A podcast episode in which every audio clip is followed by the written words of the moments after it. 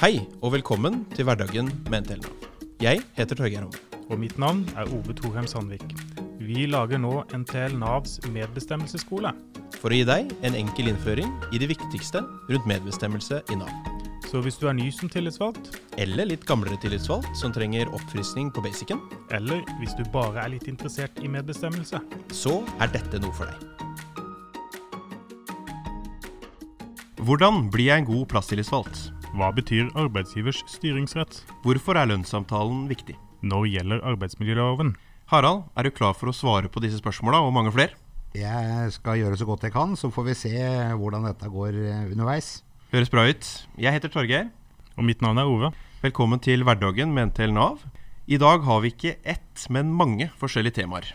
Eh, Og da måtte vi ha med oss et tillitsvalgtorakel tillitsvalgt-orakel for å kunne svare på alt sammen. vi har fått besøk av Harald Langstad, som er sentralt frikjøpt tillitsvalgt i NTL Nav. Eh, Kan du fortelle litt om deg sjøl, Harald? Ja, jeg har nå vært tillitsvalgt i eh, Nav siden eh, 2009 på heltid. I mange år i, eh, i Akershus. Slitt ut fem fylkesdirektører og har nå de fire siste åra da vært frikjøpt i Landsforeningen. Det var tillitsvalgt-delen. Ellers, ja, hva er det du er opptatt av når du ikke er tillitsvalgt? Eller er det hele døgnet? Ja, det er nok til dels hele døgnet og, og hele uka. Mac-en er med overalt. Det gjelder å være tilgjengelig. Da har du kontroll på det du driver med. Og jentungen er ute av reiret, så går det an å tilpasse det de voksne vil. Så ja. Ingen hobbyer eller trening eller sånt noe på deg? Jeg har vel ikke en kropp som tilsier at jeg trener i spesielt stor grad. eh, Men å spørre spør mine omgivelser, så er vel hobbyen er oppussing. Nå er jeg snart i ferd med å skulle installere det fjerde kjøkkenet på fem år, så det blir mye oppussing. Ja. Ja, Og har et småbruk, så, så vi tilbringer en del tid der. Det er jo en uh, tatovering på armen din, og den er, avviker jo litt fra dialekten din. Eh, du liker Sogndal? Ja, Sogndal øst. Det er viktig å få fram. Det er, eh, nei, jeg vokste opp, jeg er prestesønn, så jeg har vokst opp i Sogndal og gått hele folkeskolen der. Og hvis jeg skal ja, identifisere røttene mine, så er det i Sogndal. Det er der jeg vokste opp, og det er der jeg regner min tilhørighet. Ja. Jeg, når vi snakka om denne episoden, så kom jeg på en historie om deg om jeg hadde hørt fra en eh, tillitsvalgt i Akershus-avdelingen. Eh, Hvor de hadde planlagt en konferanse. Du skal angiveligvis ha sagt at temaet er bra, foredragsholderne virker bra. Si fra hvilke deltemaer dere ikke finner foredragsholdere for, så tar jeg dem, de temaene. Det er nok, eh, har nok vært en ganske vanlig arbeidsmetodikk. Ja. Det er å, ta det som blir igjen eller andre ikke vil ta. Ja. Så du er kunnskapsrik på det meste? Nei, det vil jeg ikke si. Men eh, jeg har eh, gjennom å være tillitsvalgt i privat sektor i mange år og vært ansatt i en LO-forening i noen år og, og vært leder før jeg kom til Nav, eh, lært meg til at eh, du må innarbeide noen metoder for å finne svar på det du lurer på. Så jeg er opptatt av å prøve å være grundig og etterrettelig det jeg, det jeg gjør. Og da er eh, eh, tillitsvalgsrollen for meg like mye å vite hvor og hvordan du finner svar på det du lurer på, som at du nødvendigvis må ha svarene i huet. Ja. Du har drevet litt opplæring òg. Vi har jo tidligere hatt besøk av Harald Borgerud, Lille-Harald. Ja. Og du kaller Store-Harald. Det er fordi du har uh, lært opp uh, Borgerud, er ikke det? Det er der de navnene kommer fra? Ja, Han er jo liten og puslete, så det er jo et spørsmål om det er volum eller høyde eller, eller hva som, alder eller hva som styrer dette her. Men det er jo riktig det at eh, både Harald og jeg har jo tillitsvalgsbakgrunn fra Akershus. Ok, Ove. Da tar vi vel og starter med spørsmåla. Eh, forrige episode så var jo ansettelser tema, så da dekka vi mye om det. Men vi har fått ett spørsmål om ansettelser. Ja, Hilde lurer litt på Er det bare arbeidsgiver som har tilgang på den informasjonen som blir gitt ved referanseintervju, eller skal denne informasjonen også gjøres tilgjengelig for den tillitsvalgte som har vært med på intervjuprosessen? Ja, Det er for så vidt et litt eh, komplisert spørsmål. For det er jo i utgangspunktet sånn at eh, det som er styrende her, i grunn er jo statsansattloven. Eh, som da regulerer hvem som skal gjøre hva. Det er jo alltid greit å gå til kildene. Så er, jo, så er jo bestemmelsen i loven at før en statsansatt ansettes, så er det nærmeste leder som avgir innstilling. Så Det betyr at lovens regel er jo at det er lederansvar å sørge for å og, få gjennomført en prosess som leder til at ansettelsesrådet da skal ta en beslutning. Eh, og så er det jo sånn at vi har et personalreglement som også omhandler denne problemstillingen. Og da er det viktig at tillitsvalgte leser personalreglementet. Og da er det spesielt punkt 5 og 6, hvor eh, punkt 5.3 omtaler da de ansattrepresentantene som skal delta i eh, altså ansettelsesprosessen. Det betyr jo de som skal være med i intervjuer, de som skal være med å eh, drøfte med arbeidsgiver hvordan denne innstillingen eh, bør se ut før den sendes til, til ansettelsesrådet. Punkt 5.4 så står det jo i kommentarene bl.a. at referanser som det legges avgjørende vekt på i rangering av søkerne, skal alltid dokumenteres for rådet.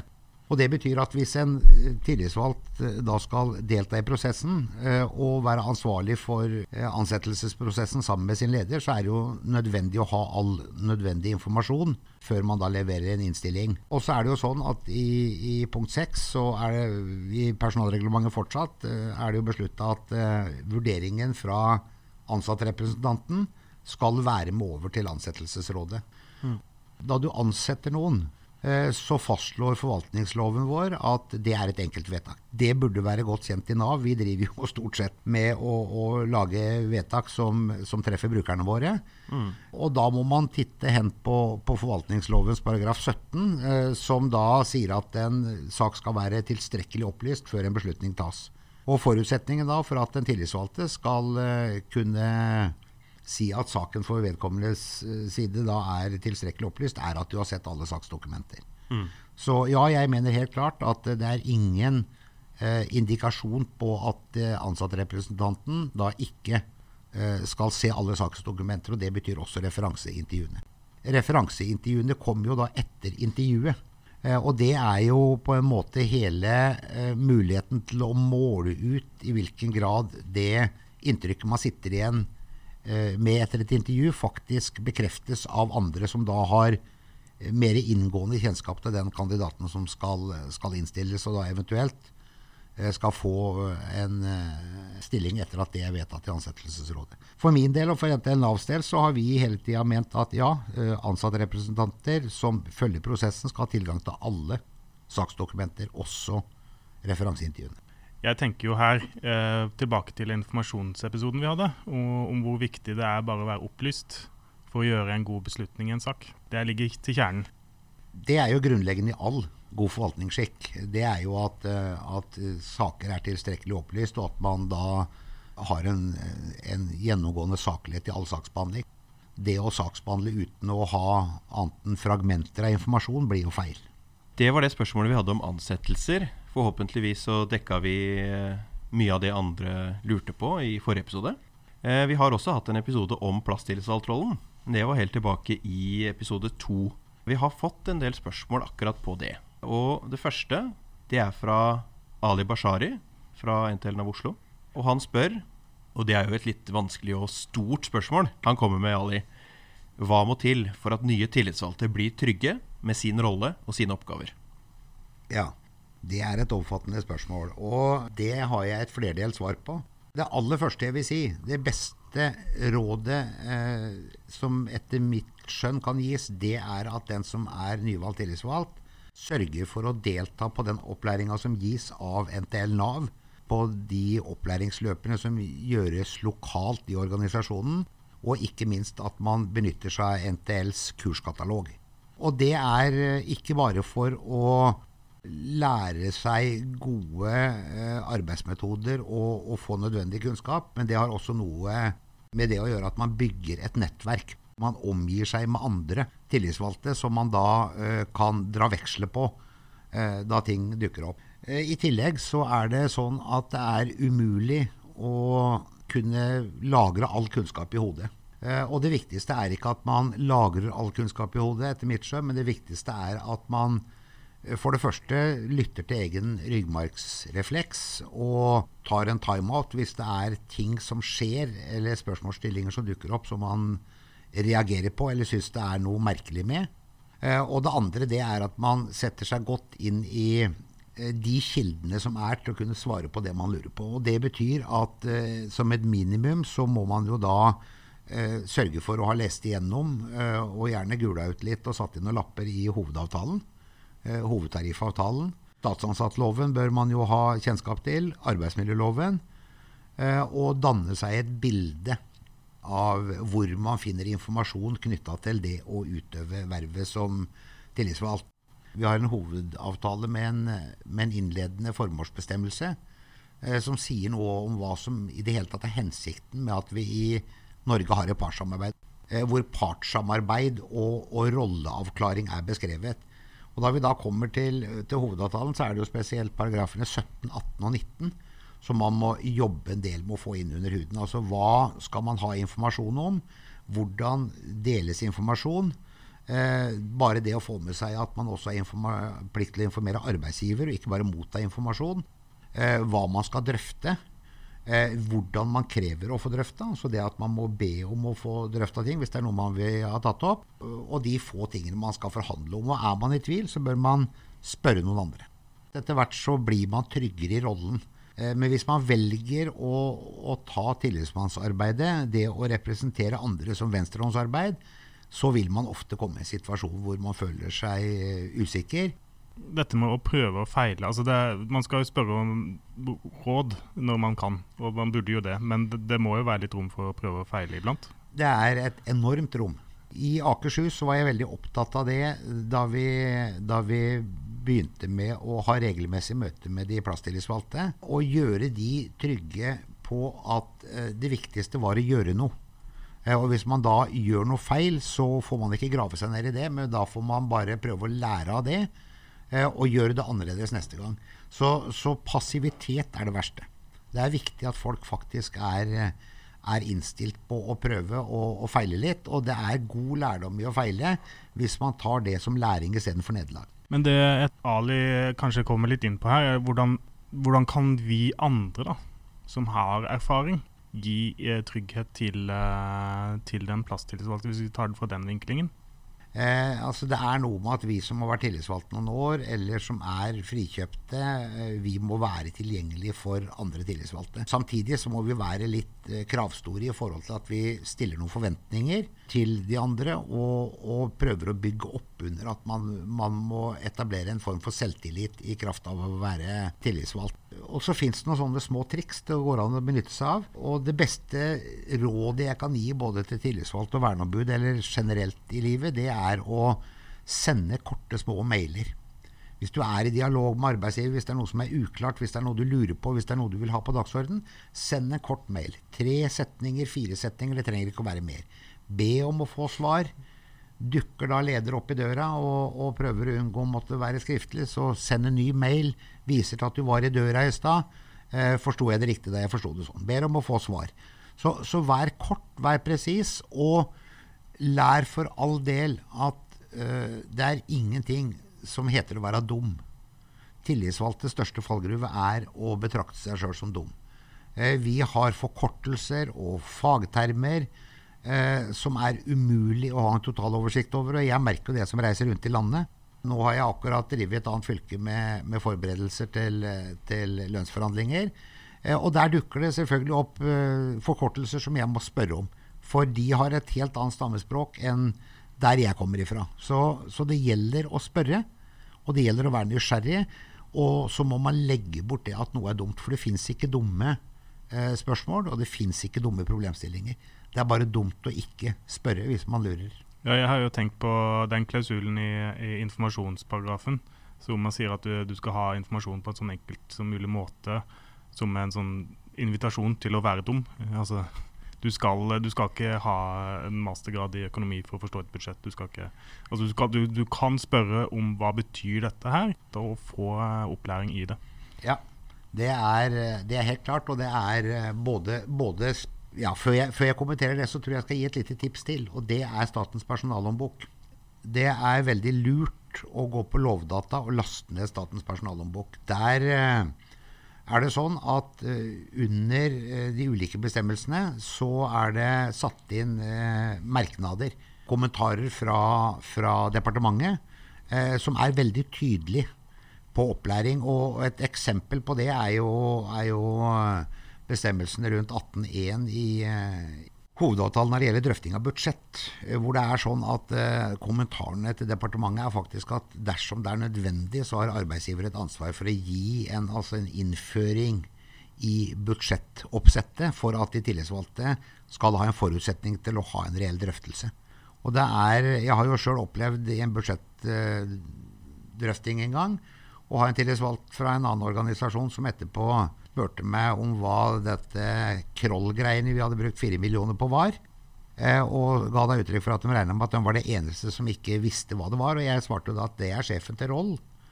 Eh, og da kom neste spørsmål. Hva er Roll? Jo, så nå har du vært med på å brukt eh, fire millioner på de rådgivende overlegene.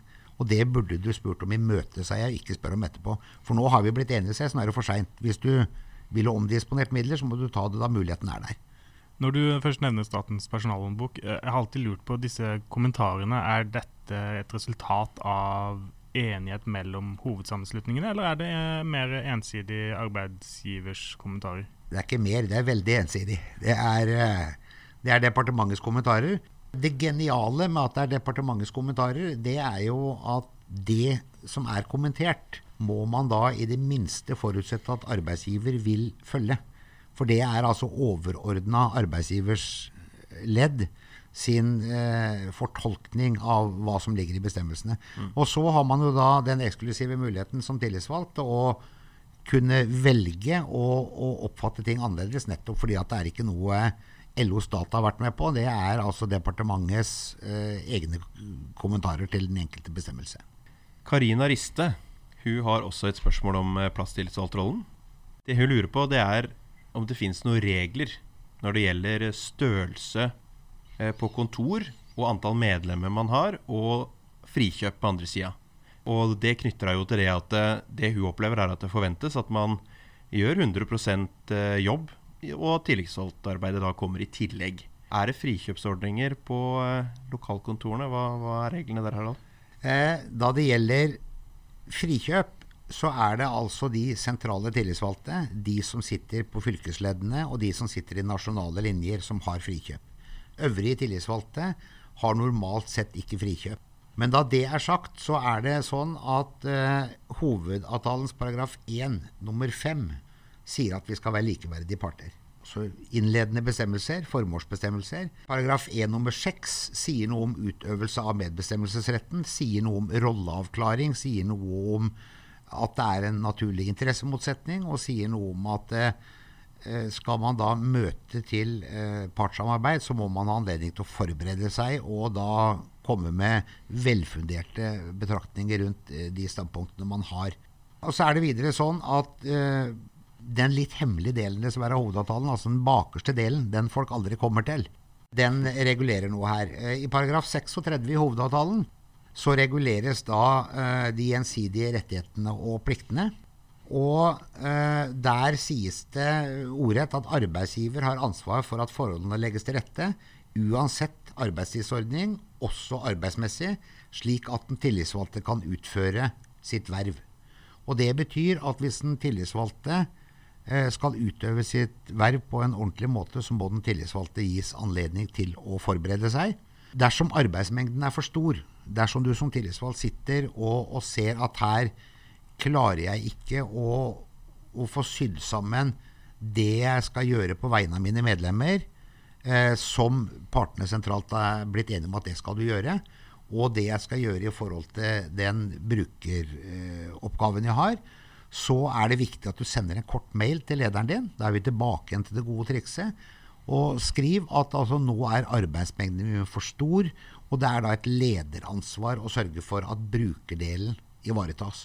Så som tillitsvalgt så er du forplikta til å opptre på vegne av dine medlemmer. Du er forplikta til å ta beslutninger på vegne av dine medlemmer. Og det betyr at du nødvendigvis også må få forberede deg til det du skal gjøre på vegne av dine medlemmer. Eh, alt annet vil være å bryte intensjonen med hele partssamarbeidet som er eh, veletablert og velfungerende og langvarig i Norge. Det er et godt poeng. altså Paragraf 38 eh, sier jo også det at tillitsvalgte har rett til tjenestefri med lønn under utøvelsen av sitt tillitsverv. Ja. Og det hun er litt inne på, da, det er jo ofte at mange steder så blir den, den delen av jobben litt usynlig. Eh, og Da vil jeg også nevne det at eh, i Navs tilpasningsavtale, punkt 8, tillitsvalgtes arbeidsvilkår, så står det det at eh, tid som medgår til tillitsvalgtarbeid, skal fremgå av enhetens planer og budsjetter. Så det å få det inn i arbeidet med planer, det å synliggjøre at dette er oppgaver som tar, kommer til å ta tid, det kan være et poeng. For da kan ikke arbeidsgiver bare på en måte late som at dette her er noe som ikke skal ta tid, eller som skal skje i fritida. Hvis du begynner å synliggjøre det der, da er det mer naturlig også i neste omgang si ok, hva skal jeg gjøre mindre av? Kanskje at man får gode bakvaksordninger, at uh, man får uh, mindre porteføljer osv. Men poenget her er jo at dette er arbeidsgivers ansvar uh, å fordele det arbeidet. Det er ikke sånn at du har en privat portefølje som tilhører Harald Langstad f.eks. Uh, dette her er arbeidsgivers ansvar, så det kan være et triks da å synliggjøre. Ja, og da er vi tilbake igjen på at du må, du må gi beskjed om det. Altså Du kan ikke forvente at arbeidsgiver gjetter seg til at dette er situasjonen i, i, gamle forvaltning så hadde man en ressurskartlegging som man gjennomførte flere ganger. Og Der var det sånn at de som var tillitsvalgte og de som var verneombud, da de utførte arbeid, så var det ingen mulighet å registrere at de hadde utført noe, med mindre de jobba med brukersaker. Og Det betyr jo at arbeidsgiver i utgangspunktet da drukner muligheten for å si at tillitsvalgsarbeid og vernearbeid er arbeid. Eh, og Hvis det er grunnlagsholdningen, så er det klart at tillitsvalgte sliter med å få forståelse for at eh, tillitsvalgsarbeid er arbeid og ikke en hobby. Og da er vi igjen tilbake til send en kort mail. Og er du i tvil om hvorvidt den eh, tas på alvor, så sleng på en åpen kopi i mailen til Torgeir Homme, Harald Langstad eller hvem som altså Ove. Altså send det eh, til hvem som helst, sånn at du synliggjør at du oppfatter at dette er et problem, eh, og at det gjøres noe med saken hvis ikke, hvis ikke du tas på alvor. Start med å ta det med lokal arbeidsgiver, og hvis ikke det er noe gehør, eh, hvis det blir sånn systematisk at eh, man rett og slett ikke har den tida man skal ha, så må man ta det videre opp. Ja. Karina spør jo om frikjøp eh, spesielt, og du var jo inne på det at eh, det har man ikke på lokalt nivå. Vi kan jo kanskje nevne da hva det står i hovedavtalen om frikjøp. Innenfor store og eller vanskelige områder kan det etableres ordninger hvor årsverk eller deler av årsverk avsettes til arbeid som tillitsvalgt i den enkelte virksomhet. Ved vurderingen tas hensyn til antall ansatte og deres spredning på yrkes- eller personalgrupper og eller områdets geografiske utstrekning. Fordi at det er mange som tenker det at det frikjøpet det betyr liksom tid til tillitsvalgtarbeid. Men det er jo egentlig bare en administrativ ordning for å skape en forutsigbarhet mellom leder og den som eh, skal gjøre oppgavene. Det som ligger til grunn, er at man skal ha nødvendig tid. Jeg tenker på en måte at du kan si Eh, at det er like mye arbeidsgiver som trenger frikjøp for forutsigbarheten. Det er lettere for arbeidsgiver å fordele det arbeidet, som er jo arbeidsgivers oppgave. Ja, altså Utfordringa her er jo til dels at hvis du ser på budsjettet rundt, så er det ingen som har satt av noe rundt dette i budsjettene. Dette er på en måte en ting som, som sklir ut på sidelinja. Eh, og så fungerer dette greit så lenge, så lenge man da ikke kommer i en situasjon hvor, hvor, det blir saker som gjør at du må jobbe så intenst med ting at, det, at, du merker selv at det går utover det du ellers har av arbeidsoppgaver. Så, så, dette har med kultur å gjøre, dette har med forståelse å gjøre, dette har med overordna vilje i Arbeids- og velferdsetaten til å sette det på dagsorden. Dette kunne vært løst med enkle midler, f.eks. ved å, å hatt en poengtering av det i mål- og disponeringsbrevet. At man må være klar over og forberedt på at eh, man innenfor de budsjettrammene man får tildelt, også skal ha rom for at tillitsvalgte skal uh, ha tid til å utføre sitt verv uh, på vegne av sine medlemmer. Og da Er det klart at uh, er du lokal tillitsvalgt på et kontor, så er nedslagsområdet ditt kontoret. Og så får man da en litt annen problemstilling den dagen kontoret omfatter flere kommuner med flere lokasjoner. Da kan det hende at man kommer i en situasjon hvor noe av arbeidstiden eh, må benyttes til å oppsøke andre enheter som ligger eh, under samme kontor. Det er en konsekvens av kommunereform og sammenslåing av ting. Eh, og da er det viktig at det adresseres til leder. For jeg har jo tenkt på dette med, med frikjøp som en måte å kompensere For man jo, kommer jo fra en enhet, så man kompenserer den enheten Eh, for eh, tillitsvalgte på resultatområdenivå eller på etatsnivå for den tiden du da ikke bruker på arbeid lokalt, fordi du gjør arbeid for andre enheter du da egentlig ikke i utgangspunktet har arbeidet på, men som du likevel har medlemmer du representerer. Ja, derav, derav har vi jo frikjøpet da, i nasjonale linjer og på, i fylkesområdene og, og nasjonalt, nettopp for å ta av det som er jeg får si overordna arbeid da, som, som, som går utover det som er det opprinnelige arbeidssted. Vi har eh, et spørsmål her fra Torunn eh, Eliasson, som eh, lurer litt på hva som skjer når eh, tillitsvalgte ikke gjør det de, eh, det de er pålagt å gjøre. Altså, hva gjør man hvis tillitsvalgte ikke fremmer medlemmenes interesse, skråstrek gjør en direkte, gjør en direkte dårlig jobb, inngår dårlige avtaler osv.? Hva kan man gjøre? Ja, Det er et omfattende, men samtidig egentlig ganske enkelt spørsmål. Hvis man er av den oppfatning at den tillitsvalgte ikke gjør det man mener den tillitsvalgte burde gjøre, så må man først stille seg spørsmål er dette noe jeg mener, eller er dette noe altså flere mener. Eh, for den tillitsvalgte representerer ikke én, den representerer flere. og det er det er noe av utfordringa av og til ved å være tillitsvalgt. Altså, jeg har spurt noen tillitsvalgte hvem representerer du, og hvilken interesse har de. F.eks. hvis man flytter en enhet. Så er det noen som syns det er greit å flytte enhetene, for da kommer de nærmere der de bor. Mens noen syns det er dumt å flytte enhetene, for da får de lengre reisevei.